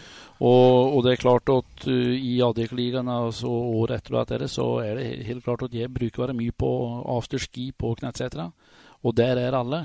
Og det er jo, som jeg også sa på uh, på toppfotballseminaret, at ingen tror på det. Men der møter du mye folk. Utrolig mange følger med Sundet. Utrolig mange hadde historier, og særlig etter Vålerenga-seieren og opprykket. Og det var jo mye, og Kjendiskampen var jo da to og tre sider i alle Norges aviser i ti år. da. Særlig Aftenposten var jævlig god til å dekke. Eh, og syntes det var stas at det var et fotballag som var så gode. Og var du der oppe, så ble du en del av mange, og mange har jævlig mye penger. Og hvis du da får fortelle historier, tar om mye rundt det, så er det klart at uh, da selger du, hvis du byr til på det. Men eh, det er klart du må være utpå, og du må være med og drikke, for du kan ikke stå der med, med soloen at i napoleonskake syns en feil gubbe. Men er det sånn er, har du av, Hadde du avtale med dem da, eller er det bare sånn at du liksom sirkler litt rundt der? Bare og så sirkler. Ja, bare sirkler. Så blir vi stående rundt ring, også. Vet du, det ser ikke slik som Sirkler. Uh, Lukter blod. ja, du- Det er akkurat som å skjenke opp ei dame, vet du, bare. jeg, jeg får si det slik, litt sosialt som det egentlig fungerer. Vet du, mange tisere det. Er det en situasjon så hvis det står åtte rundt bordet, eh, og det er åtte Irish coffee, så er det ikke så rister med seg småpenger skal liksom som dele på at det er det. Det er betalt for å få snudd det nesten ifra alle mann. Slik er kulturen. Og er det fortsatt. Jeg er fortsatt mye oppå der. Og alle sponsorskirennet mitt. Så det er klart at da er det mye VIP-telt, og det, verden går videre hele tida med de tinga. Men det er en veldig bra arena. Jeg må lære deg det, altså. Ja, det blir en svipptur opp dit i påska, tenker jeg. Rapp alle, uh, alle, alle, alle sponsorer fra Nei, men det er, det er jo det som, som Terva kaller mingling. Altså, det er jo det å prate med folk og, og helt- vite hvor du har dem. skulle du si. Så det, det er veien å gå, det. Uh, Kjendiskampen, da, Svein. Vi må ta litt rundt den. Den var med å sette Nybergsund på kartet. Ja. Utvilsomt. Ja. Eh, var. Kjendiskampen var jo en, var en veldig, veldig bra sak, da. Det var et fjerde, fjerde juledag. Tredje. Ja, fjerde juledag, ja. Fjerde juledag. Ja. Eh, Sunnahallen. Ja. Og, og fete kjendiser mot Nybergsund. Ja, det var det. Seks mot seks eller et eller annet oppe i Ja, Sunnahallen der. ja, det var det. Det var seks pluss G-pro, ikke var det? Nei, var, nei, var- jo, det tror jeg kanskje var det. Men Ja. eh, Færreste spilleren du har hatt der? Det, altså, begynte jo helt enkelt med da vi ferdigstilte hallen, da, ja. i 2001. Da var hallen ferdig, helt ferdig. De, uh, Bravida de monterte på lys i taket på Veltjulkvelden ved sekstida. Og da var det til garderoben, så gikk vi ut på nordsida av tallen. Da sto det ti tyskere med Michael Schumacher først, og de skulle inn og trene. Og da kan uh, mange her skal jo som gubbene var hjemme prøvesmake ribba, for det er jo som det er veltjulkvelden. Ti tyskere skulle trene hele kvelden for da hadde de gledet seg hele tida. Mm. Så det var som begynnelsen, og da ble vi ferdige. Vi hadde gamblet på vi skulle bli ferdige da. Og da var det første kampen fjerde juledag, og siden ble det da i ti år. Og, og, det er klart det var jo veldig stas. da, disse, Av de fire første åra så, så, spilte jo Schumacher alle de fire. To åra så var han i Monaco og ble kåret til årets idrettsutøver i verden eh, andre juledag. Så kom han og Trysil fjerde juledag og spilte i en nedlagt industrihall der gamle Tryslehus var. Så det er klart, det var jo jævlig stort, da, for å si det sånn. Mm. Og artig at, at han har den historien. Og det er klart, første året han spilte, du, så var det det var røs med tyske journalister, flere helikoptre over hallen før de skulle ta bilde av og alt det der. da. Så det var jo paparazzi som kom for Schumacher skulle spille fotball i Trysil. Så det var jo jævlig morsom opplevelse, da. Var det mest fotball eller mest fest, da? Det ble jo begge deler, da. Eh, og, og, det er klart at uh, denne, Det var jo for oss å få til et arrangement med penger, og vi hadde en veldig veldig bra bankett etterpå. Der alle mange sponsorer da kjøpte uh, logo i, altså, logo i avisen, i annonsen, også seil i hallen. Også var med på så og så mange personer på banketten. Og vi er jo såpass enkle alle, så det er jo stas å se er på fest med en Michael Schumacher. Og der var jo alle de andre kjendisene òg, med den gangen Stig Inge, Håvard Flo, Vidar Iseth. Eh, og alle har jo stort sett vært innom, da. Mm. Uh, Martin Andresen uh, Mini spilte vel? Mini spilte vel? Mini spilte. Boiden. Bohin spilte alle kamper. Ja, ja. Så det er klart også, Og de var innom mange andre òg, eh, Per Siljan Skjellebreid og alt har jo stort sett vært her. Ja. Karet fikk du ikke? Nei, eh, Karet fikk ikke. Eh, så, så, det er nesten Det var nesten avtale, var det ikke det? Ja, det var avtale. Ja. Det var i Knara 2000 og, ja, Det må bli tre eller fire, da. For det var da Schumacher var med da. Mm. Jeg skal liksom ta i historien om banketten, som jeg syns dekker alt. da. Men, eh, men, da hadde jeg avtale med en, eh, Flod. Per A. Flod, som var agenten hans da. Og skulle spille. Og det er nesten eneste gangen utom en Bjørn Dæhlie ødela seg på et rulleskirenn her i Storgata, da med hovedtrekkplasteret. 5000 tilskuere, ingen trodde de pratet. Sant, da. Eh, men da ringer Per Aflod om kvelden, og så, så ser han at dessverre så kan ikke han komme. For sjansen for skader er for stor. For han kan ikke spille slike typer kamper, for risikoen er for stor. Ja, men nå er jo avtala, sa jo. Den skal jo komme sammen med de andre. Det var egentlig Bohin som hadde gjort hovedavtala først.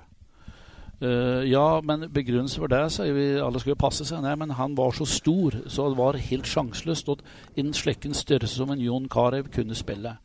Altså, Jon Carew var stor, han, altså. Da svarer jeg bare følgende, Flode. Det er greit nok om han er en stor spiller, og i dine øyne er han verdens beste. Men til sammenligning så skal Michael Schumacher spille, og jeg tror han skal spille for ut- og leggbeskytter. Så det er klart, jeg tror, jeg tror Jon Carew kan komme ut på banen, sa jeg, for det er, det er en liten gutt du har om hender mot for Michael Schumacher i Trysil, sa Joden.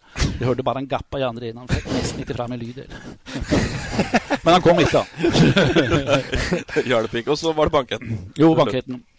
Det, der var det helt fullt. De første åra var dette på glasset. da. Vi flyttet jo til Reddisen da, de siste åra, etter dem uh, Reddisen uh, Blue ble uh, ferdig i 2008.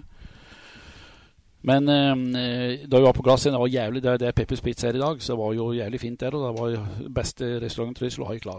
Og så hadde vi et kjendisbord midt i restauranten, der ja, disse med Bjørneby, Boinflo, alle disse satt der, altså kjendislaget. Uh, og to-tre dager senere. Og nederst på bordet, der satt Schumacher. Og, og Ivar Stuan var, var si, konferansier da. Og, og um, vi pratet litt for Schumacher før om det var noe spesielt for oss. Og det var jo det vi måtte. Da sa han bare to ting. Sånn, to raske ting. Det. det ene er vi må trekke for vinduet helt, sånn, for det kan være paparazzi ute her. Altså, det var jo på det nivået, da. Og det var jo en enkel sak. Det andre sa han, dette var før røykeforbudet. Eh, jeg vil ikke vi skal røyke i rommet, sånn, for det liker ikke sånn. Som, dette var en halvtime før middagen. Og der kom middagen, vet du. Viner, uh, forrett, uh, hovedrett, uh, dessert, og uh, konjakken kom på bordet. og uh, veden på bordet. Der satt jo noen av stasjonmakere på enden. Så ble det jo kanskje en par konjakker kjapt òg, da. Da tok Schumacher på innsida på lommen og dro han opp den største sigaren som noen gang har vært i Trysil. Eller stort dyr. Satte den i munnen, tok opp fyrstikken og tente på. Så blåste han røyken rett mot taket. Så hele huet på han borte røyk. Ivar Stuan bare knakk i, i glasset, så sa han at ja ja, det er en, ny beskjed. Røykeforbud er opphevet. så det var jo veldig bra, da. Ja, det er jo også sagt at du også tar alltid en sigar hvis det er opprykk. Og Ja, det med sitatet 'Det blæs på toppa'. Ja, men jeg må gjøre det. Såpass det må til. Kan gjøre det slik om noen gang julekveld nyttårskveld, men ellers er det stort sett alltid blæs på teppet, og det er jo, det er jo litt riktig, da. Det er jo stas, det, da. det er det. Ja, så var vi innom noen uh, elleville historier her. Jeg har vært innom en dommerepisode i garderoben, blant annet. Vi snakka om i går. Ja. Vet du, denne kulturen du, som har vært i en du, det var jo jeg får si nesten siden, ja, det blir jo nesten litt siden 50-tallet, så har det vært mye typer på laget. Og det er klart at uh, først på 80-tallet uh, Jeg var det med som oppmann sjøl, var assistentoppmann for da helt korrekt, med Magne Falmo i 79-80. Assistentoppmann, faktisk. Ja, det var det. Det var jo bra team, forresten. Det var, det var jævlig mye moro på benken, forresten. Og godt lag hadde vi òg, da. Eh, men du, da var omtrent alle like gamle. Han Magne var jo ti år gamle da, i meg. Og ellers så skilte Ja, det skilte stort sett to år på yngste til gamleste til tre. Utom en Willy Storsnes var det gamle da en par år, og en Finn Nyland. Men du, dette gjorde nok en gang at alle var på de samme festa, og i et kolossalt samhold. Eh, og det er klart at det var jo litt av en greie om å overgå en annen, da. Eh, som, som ikke nådde noen grenser alle steder. Og det er klart, det er moro i dag, da, men det er klart at fryktelig moro. Men det er klart, mange ganger kunne nesten bli arrestert, vet du, om det var på fest eller om det var på fotballkamper. Alt, alt var helt i grenseland. Og da hadde vi en som var jævlig råt og alt. Han spilte midtstopper. Og, og en av de, de største sosiale typene, ikke av de beste spillerne, men en sosial type som var med i ti år. Dette var før eh, klubbhuset ble bygd, så vi dusjet på og hadde garderobe på skolen. Uh, og begge lag. Uh, da var det to små garderober og så felles dusj. Og for dommere. Og vet du, dommerne var så dårlige om dagen. Det var han var så jævlig dårlig. Altså, det, var, eh, det var helt umulig. Og der hadde han, han lite hår, og så hadde han hatt sjamp i hodet. Og der var det jo mye folk det var bare sånn tre-fire dusjer. Og, eh, og sto der og hadde sjamp i hodet. Og så, så eh, han midtstopperen dytter på dommeren, altså, så sa han at i dag syns jeg jaggu dømte bra, sa han. Ja, ja, det syns jeg, sa han. Jeg syns jeg er en bra dag i dag, så han, sier jeg er godt fornøyd med meg sjøl, sa han. Midtstopperen dytter på seg. Da sto han og pissen oppover ryggen. det oppdaget han ikke, da. Enorm sjølsagt, helt hysterisk i dusjen der ute, og der var jo Sundet på sitt aller beste, da, for å bruke det ordet. Så det var, det var mye voldsomt. Og så vi hadde Jeg bare kom på etterpå. Vi hadde, vet du, I den tida vet du, var det jo halvdårlig. Først på 80-tallet med både 80-tallet med penger og kunne være oppvarmingsboller kunne være så som så. Da var det noen som fikk det før, så den kunne kanskje ta med sin bolle fra bortekamper der der, der der det var fine boller. Så, og dette gikk det sport i, vet du. Sport så jævlig, da.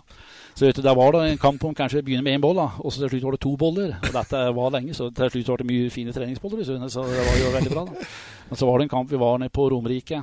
Eh, vet ikke om det var Gjerdrum og Håkon, jeg kommer ikke helt til hva det var. Men i alle fall så var det en som sto ute ved bussen, og så skrøt fælt av at eh, det ble, eh, eh, bra boll i dag. Det ble bra boller til de to. Altså, også, det ble bra boller i dag, sånn, så det var jævlig bra. Men da kom tredjemann, altså banken og bagen sin. Men matchbollen den tok de faen ikke. For den hadde han. Han vært bak ryggen på dommeren og stjålet matchbollen. Det er 30 år siden, men det var, det var jo slik det var. Ja, ja. Eh, til slutt her også var det Som eh, markedssjef og alt mulig annet, så du har jo slanka deg for penger, og du har lovd bort hårklipper og blitt skamklipt, og Man må by litt på seg sjøl, da. Ja, det, blir historier av da. Mm. Altså, så er det litt på greit og vondt. da. Så eh, hvis det ikke blir noen historier, så er det jo ikke en skrive om. da. Det er jo, det er jo kultsaken som har vært greia, så, så det stemmer. Det var Brennen som fortalte at du lova mot, seier mot Alvdal 89, så skulle Ja. få lov til å klippe deg. Ja. Da ble den starta pent, mente han. Ja, men jeg fikk en hjelp, da. Ja. da vi, hadde tapt eh, jeg tror en av de få ganger tapt tre kamper. Alvdal de lå over oss på tabellen, hadde dem i siste kampen før ferien. Dette var da, Jeg hadde atskillig lengre hår enn i dag, da, med en eh, hår til nesten ned på ryggen. For dette var jo i 1989, da. Og eh, da sa jeg garderoben, for da jeg var jo hovedåpmann da. Jeg og Rolf Alle Sæter var oppmann. Og da sier at hvis vi vinner, ja gutter, så er det så den som gjør det siste målet, hvis vi vinner, han skal få klippe meg. Uh, for da, Vi mente klippe rett over helga, for det var jævlig langt hår da, som satt nesten ned på ryggen. Jeg tror ikke de, da, men så er det, da. uh, og, og vi vant 1-0. Ola Brenten gjorde målet. Det var en retur etter en tor mot Leine, tok frispark, helt eksakt. Og, eh, og, og en Ola skåret på returen, og vi vant kampen 1-0. Historien er jo den at da hadde vi eh, fått tre keepere skadd på 14 dager. Så Jan Storsveen han brøt av to, to virvler i nakken på vinteren etter å ha stått 14 år på Sundet. På en skitur gjorde han det da han var med unga sine. Så eh, da hadde jo brukt tre keepere, og vi måtte spørre Jan at om han kunne gjøre comeback mot legens vilje. Jan gikk i mål igjen oppe i Alvdal, og som sagt med tre tapere. Jan var stiv i nakken, for uh, han det var jo kasse i benet, faktisk, så derfor ville ikke legen skulle spille mer. Og der skjøt de i stanga, uh, jeg tror var, var det to eller tre ganger. Jan sto bare og hadde jævlig rykte om dem. Bare så rett dem. 'Han går!' skrek han. Small i stang ut av men Jan er kald, saler. Jævlig kald keeper. så, så, så, vi vant kampen 1-0, og da skulle Jon Ola klippe meg. Og Jan vet, han var jo slik seg. Det var mest mulig ugagn. da. På alt med abortene var det ugagn. Og da han skulle få gjøre noe skikkelig ugagn, så skulle han hjelpe til. Og det vet du, hadde to skjemme sokser. Ja, dem kløft, men det så altså ikke ut. Jeg hadde ganske langt hår oppi huet. Og jeg var så skamkløft til de grader. Men det var jo verdt det, da. Alle Alvdøla var jo gode kompiser med, så de var i garderoben deres. Så det var meget stor stemning etter kampen. det er strålende, strålende, Svein. Balstad har en spalte. Har du spalte i dag, eller? Nei, nei. Eh, det snakka vi om sist. At det er jo det er vanskelig å finne Nei, nei, nei. Vanskelig, vanskelig å finne Vi snakker om det skjer ingenting i breddefotballen. Det gjelder jo spal, spalten min òg. Det er vanskelig å, vanskelig å, plukke ut ting. Vi snakker jo satt og snakka en halvtime breddefotball, men uh, Ok. Uh, Svein, jeg snakka med deg i går om å, om å sette opp et uh, XI-lag, som vi kaller det. Altså XI for Det står da for 11. Hedmark XI kaller vi den spalten. Hedmarks 11. med din inngang på. Uh, og Siste så har vi hatt Betong Touch Exi, vi har hatt Betong Exi, vi har hatt Alexis Exi. Så det har vært et fryktelig nivå på laga her nå den siste tida. Men uh, jeg tror ikke dette blir noe dårligere. Nei, det er mange tater. Altså, dette jeg gikk i, Da spurte meg i går, så så jeg kjapt på ting. Det var derfor jeg har min avis. Det er en fotballavisen Sønne. Den Lars Harald Norgård har fantastiske statistikker med alle som har spilt og alt sammen. Og sier du på dem, så glemmer du ingen. Så jeg det kjapt gjennom den, og så må du finne litt slik hva du skal ta.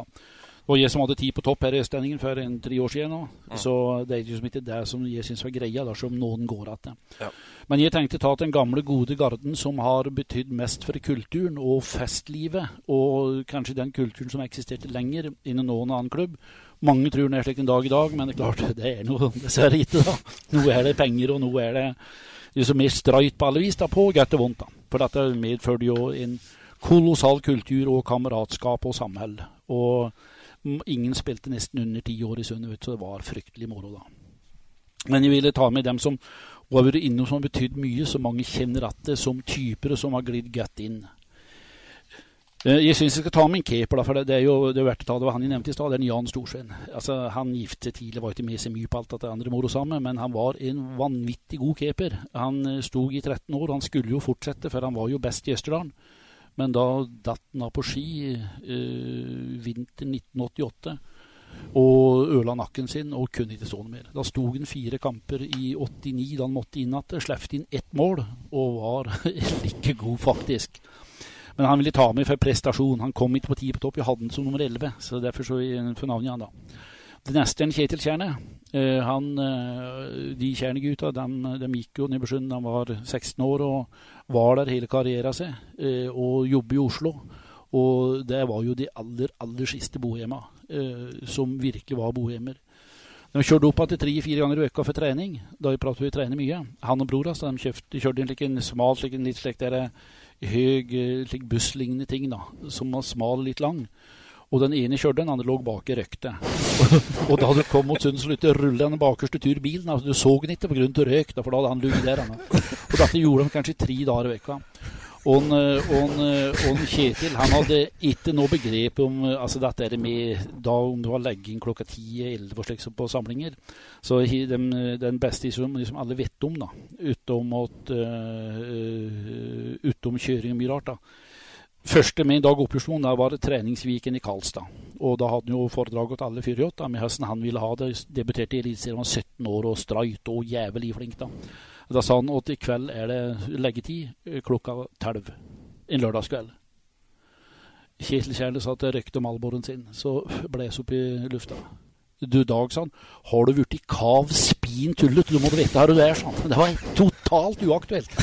og det var, det var liksom første treningsviken hans Dag Oppjordsmoen. Så, og var det, Kjetil. Da vi tafte opprykket i, 2000 og, nei, i, i 1993, da Oppjords, nei, 1992, da trener, da Ski skåret sju minutter på overtid.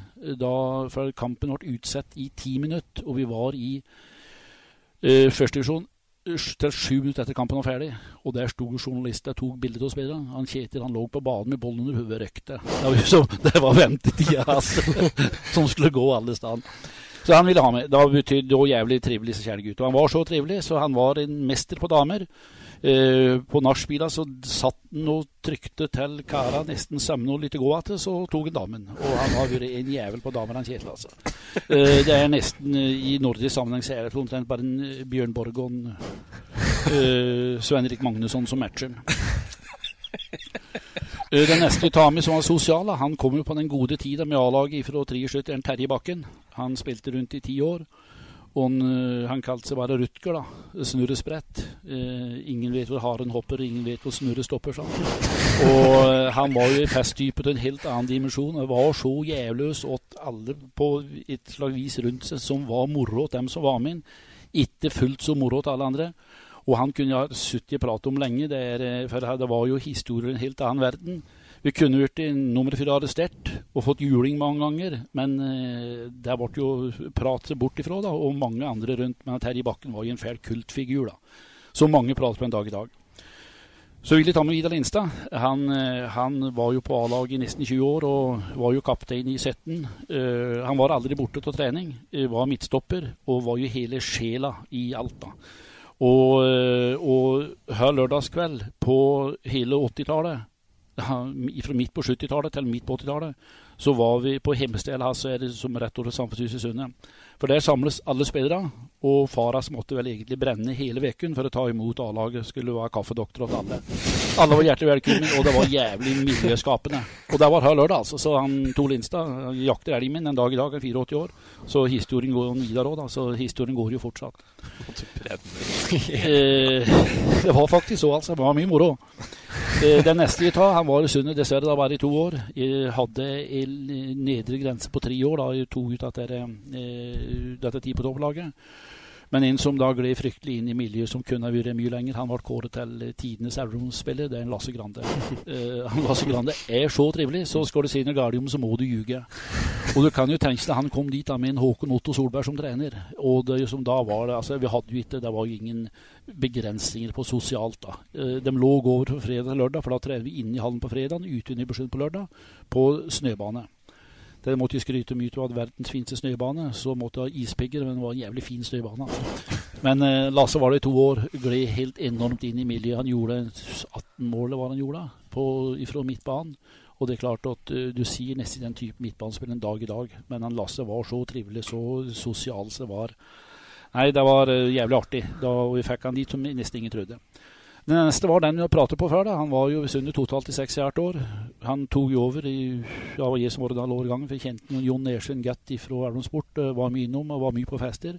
Og vi tok han høsten 1980, den siste vi trengte eh, for å, eh, for å ha et godt lag.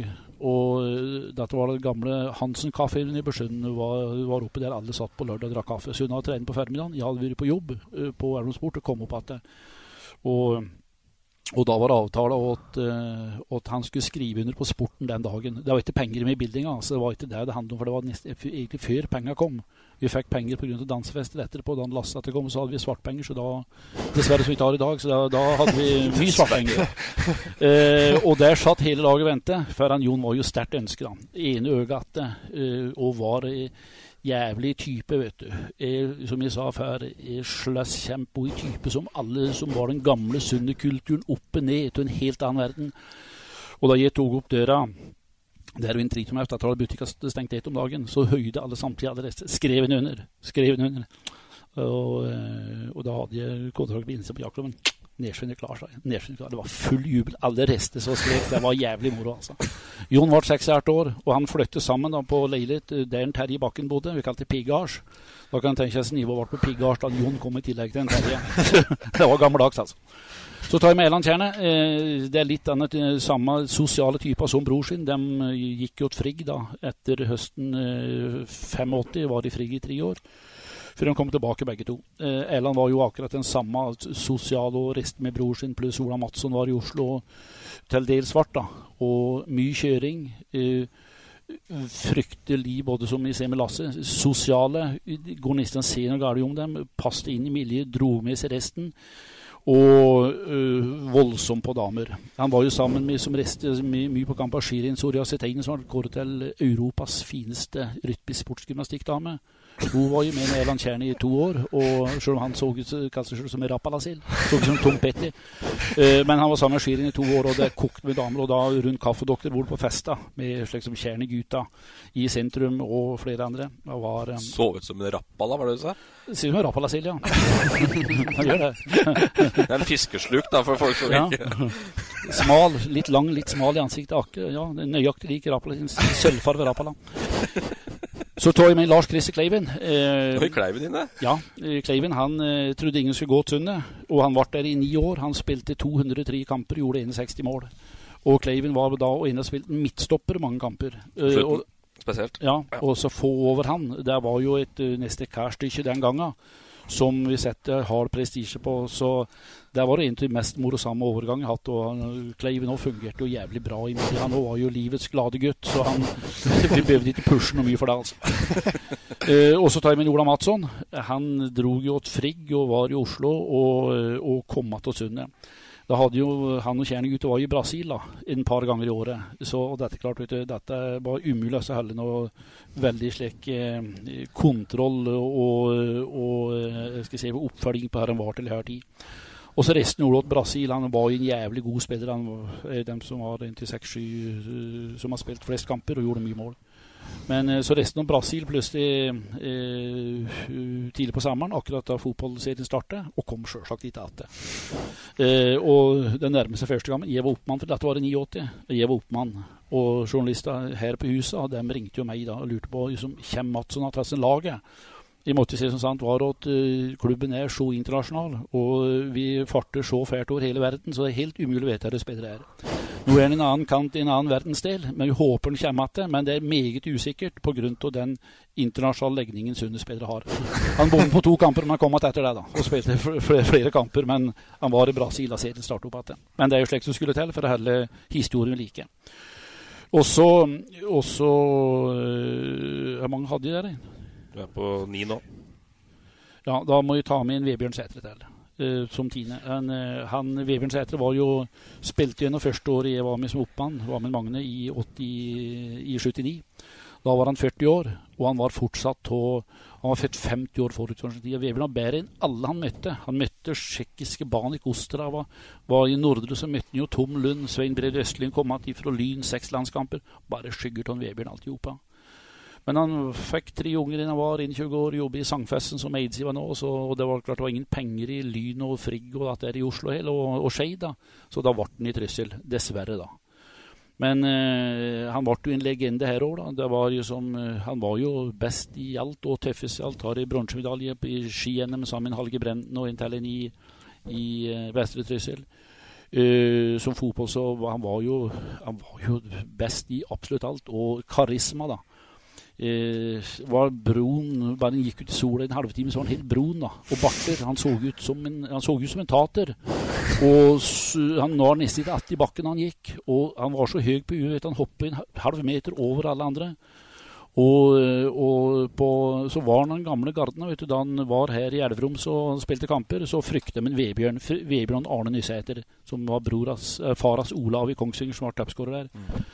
Han spilte på oss under til han var 34 år, og alle mener han var bedre enn Olav, da, for å ta det. Men du, da var de bort på Elverumsport etter kampen med en eh, Henry Brobakken, som var spissen i Elverum. For eh, det var eh, det eneste han eh, ville omgås med på Sundet, så var det en Vebjørn Arne.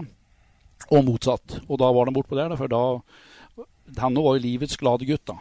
Forresten så var han gift med søskenbarnets mor, så han var hjemme en del ganger òg. Men han var jo livets glade gutt, og, og da var de der. Og da var det jo noen blandinger, for de gikk etter de andre på Gråberg, for de andre fikk ikke være med. Da kom der, så var jo en Vebjørn vet du, jo, han, var han var jo en legende, vet du. Og han hadde lett for å dra av seg skjorta da han kom, for han hadde jo en krepp på, da, vet du, som alle misunte den, og da kom han inn på gråbrød, så var det bare her, sier Vebjørn Sæther. Drog han opp skjorta, så knappa sprut, og hvis det var litt høymælt, da, da smalt det fort, altså. Han var jo han var en jævlig ener, altså. Og om vi kom over i Glåmdalen, altså, du kan si før den slutta 78-79, så uansett kom vi inn Vi var inne ofte på Kastrum i, i Kongsvinger, altså da var det ikke så systematisk med, med mat. Og alle høyde ved Bjørn han kom inn. Etter kamp og tater og alt, de satt i fanget, så han kom inn, kjente alle. I 1980, året etter, da han sluttet, så da han kom. Er en Vebjørn med? Ja, men er de Nybergsund liksom? For når Vebjørn var etter med, for han hadde sluttet. Er en Vebjørn med? Slik var det alle steder han kom inn. Så det var en jævlig legende, altså. Bra. Sistemann. Eh, Da tar jeg helt slik kontroversielt, for der må jeg høre nesten med til Vi har hatt fryktelig selvfølgelig mange spillere, og mange spesielle, originale, som mange har dødsdømt på ikke klarte å håndtere. Men Sund har vært ganske gode til å håndtere mange forskjellige typer, om vi nå tok slik som kontraktforhandlinger eller andre. Vi lå dårlig an på tabellen i 2001, første året etter at opprykket i år 2000, da vi var nede i tredje divisjon. Og um, da måtte vi ha forsterkninger. Og gjennom noen kompiser som jeg hadde i, i sponsoring, da, så uh, var en Ørjan da ledig. Han har spilt på HamKam året før. En nordlending fra Vadsø han kom fra. Han var da, Som vi nå er på som kan høre med, så er det klart han var jo veldig, veldig spesiell. da. Alle dødstemten, for han ble uvenner med absolutt alle klubber. Og et, eh, altså en sjøltillit som ingen har sett måken til på Østlandet noen gang. Og han prater om seg sjøl i tredjeperson. Herr Dahl, sa han. Han prater om seg sjøl. De liker ikke herr Dahl, sa han på tre nordlending. Eh, men han var god til å gjøre mål. Eh, men i HamKam òg, så der gikk det nok litt for fort for han. Han gjorde en del mål, men altså, det ble ikke, ikke egentlig helt bra nok. Men da tok noe Sundet på, på mine anbefalinger, og han gjorde ni mål med en gang. Han ble jo en suksess, og han var året ut. Men spillemessig ble det helt så der på slutten. Men da han satt på benken vet du, og det ble løst en sjanse, så skjøt han Ola Bremten. Der skulle herr Dahl ha vært. så, han var en jævlig type, men han gjorde akkurat jobben sin, og vi klarte å håndtere den. Da gikk opp Brumunddal. Det var nesten avslutte historien om han med det. Hesten var. Da traff Ola Bremten da våren etter på Hamar. Altså lurte på hvordan det gikk, da. Og det gikk jo i og for seg greit nok, da. Ah, sier Ola, har du, eh, har du kommet i noen konflikt med treneren din, da, sier han. Eh, nei, men det skal snart herr Dahl gjøre noe med. men hos oss så fungerer den bra. Herr Dahl,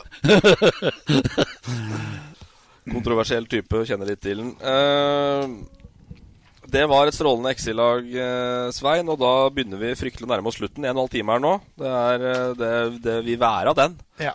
Ja. Men uh, Balstad har vært u uvanlig stille nå. Ja, det er vanskelig å få, få innpass. Du må, må lytte når du har sånne kapasiteter her. Så. Jeg, tror, jeg tror ikke det er en eneste podkast vi har hatt hvor vi har pratet så litt som vi har gjort. Nei. Jeg skulle si jeg, Hva har jeg sagt, egentlig? Jeg sitter og tenker. Det, det er ikke mye. Så jeg Men- drar ut herfra med litt overskudd. Men er dette her nummer 30? Vi Nei, det. vi er på 32, tror jeg. Oh, ja. Vi er egentlig på jubileet og vel så det. Vi får ta fest på 50. Ja. Skal ikke vi ha et julebord, da? Jo, vi får ta julebord.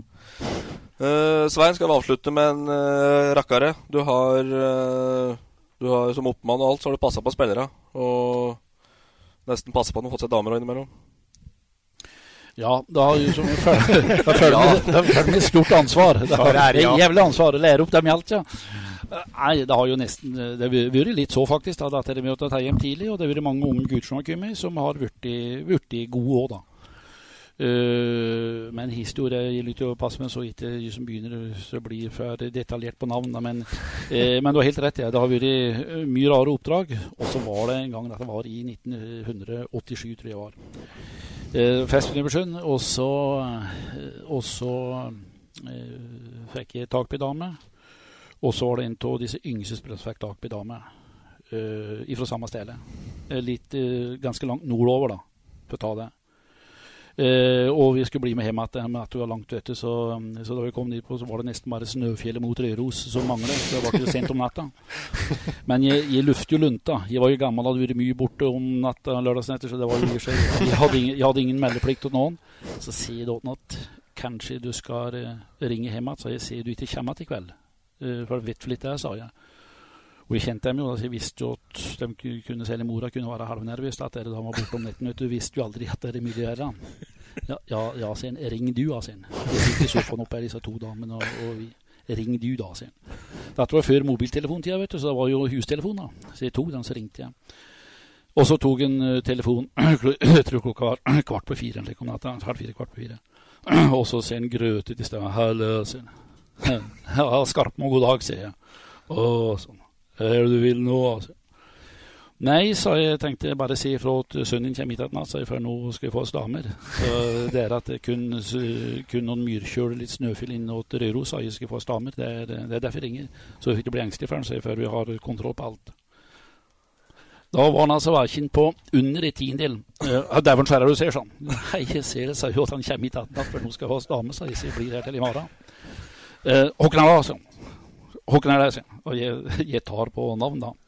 Og han kjente egentlig Han visste hvem jeg var, da. For jeg prater jo, altså. Og da, da fikk hun, hun telefon, og, og, han i andre enden han var strålende opplagt. da. Og sa at det var artig, sa han, og, og, de skal bli, at de skal bli der oppe i natt. sa han. Altså, så prater de litt. Så avslutter vi følgende jeg sitter i bredden med dama.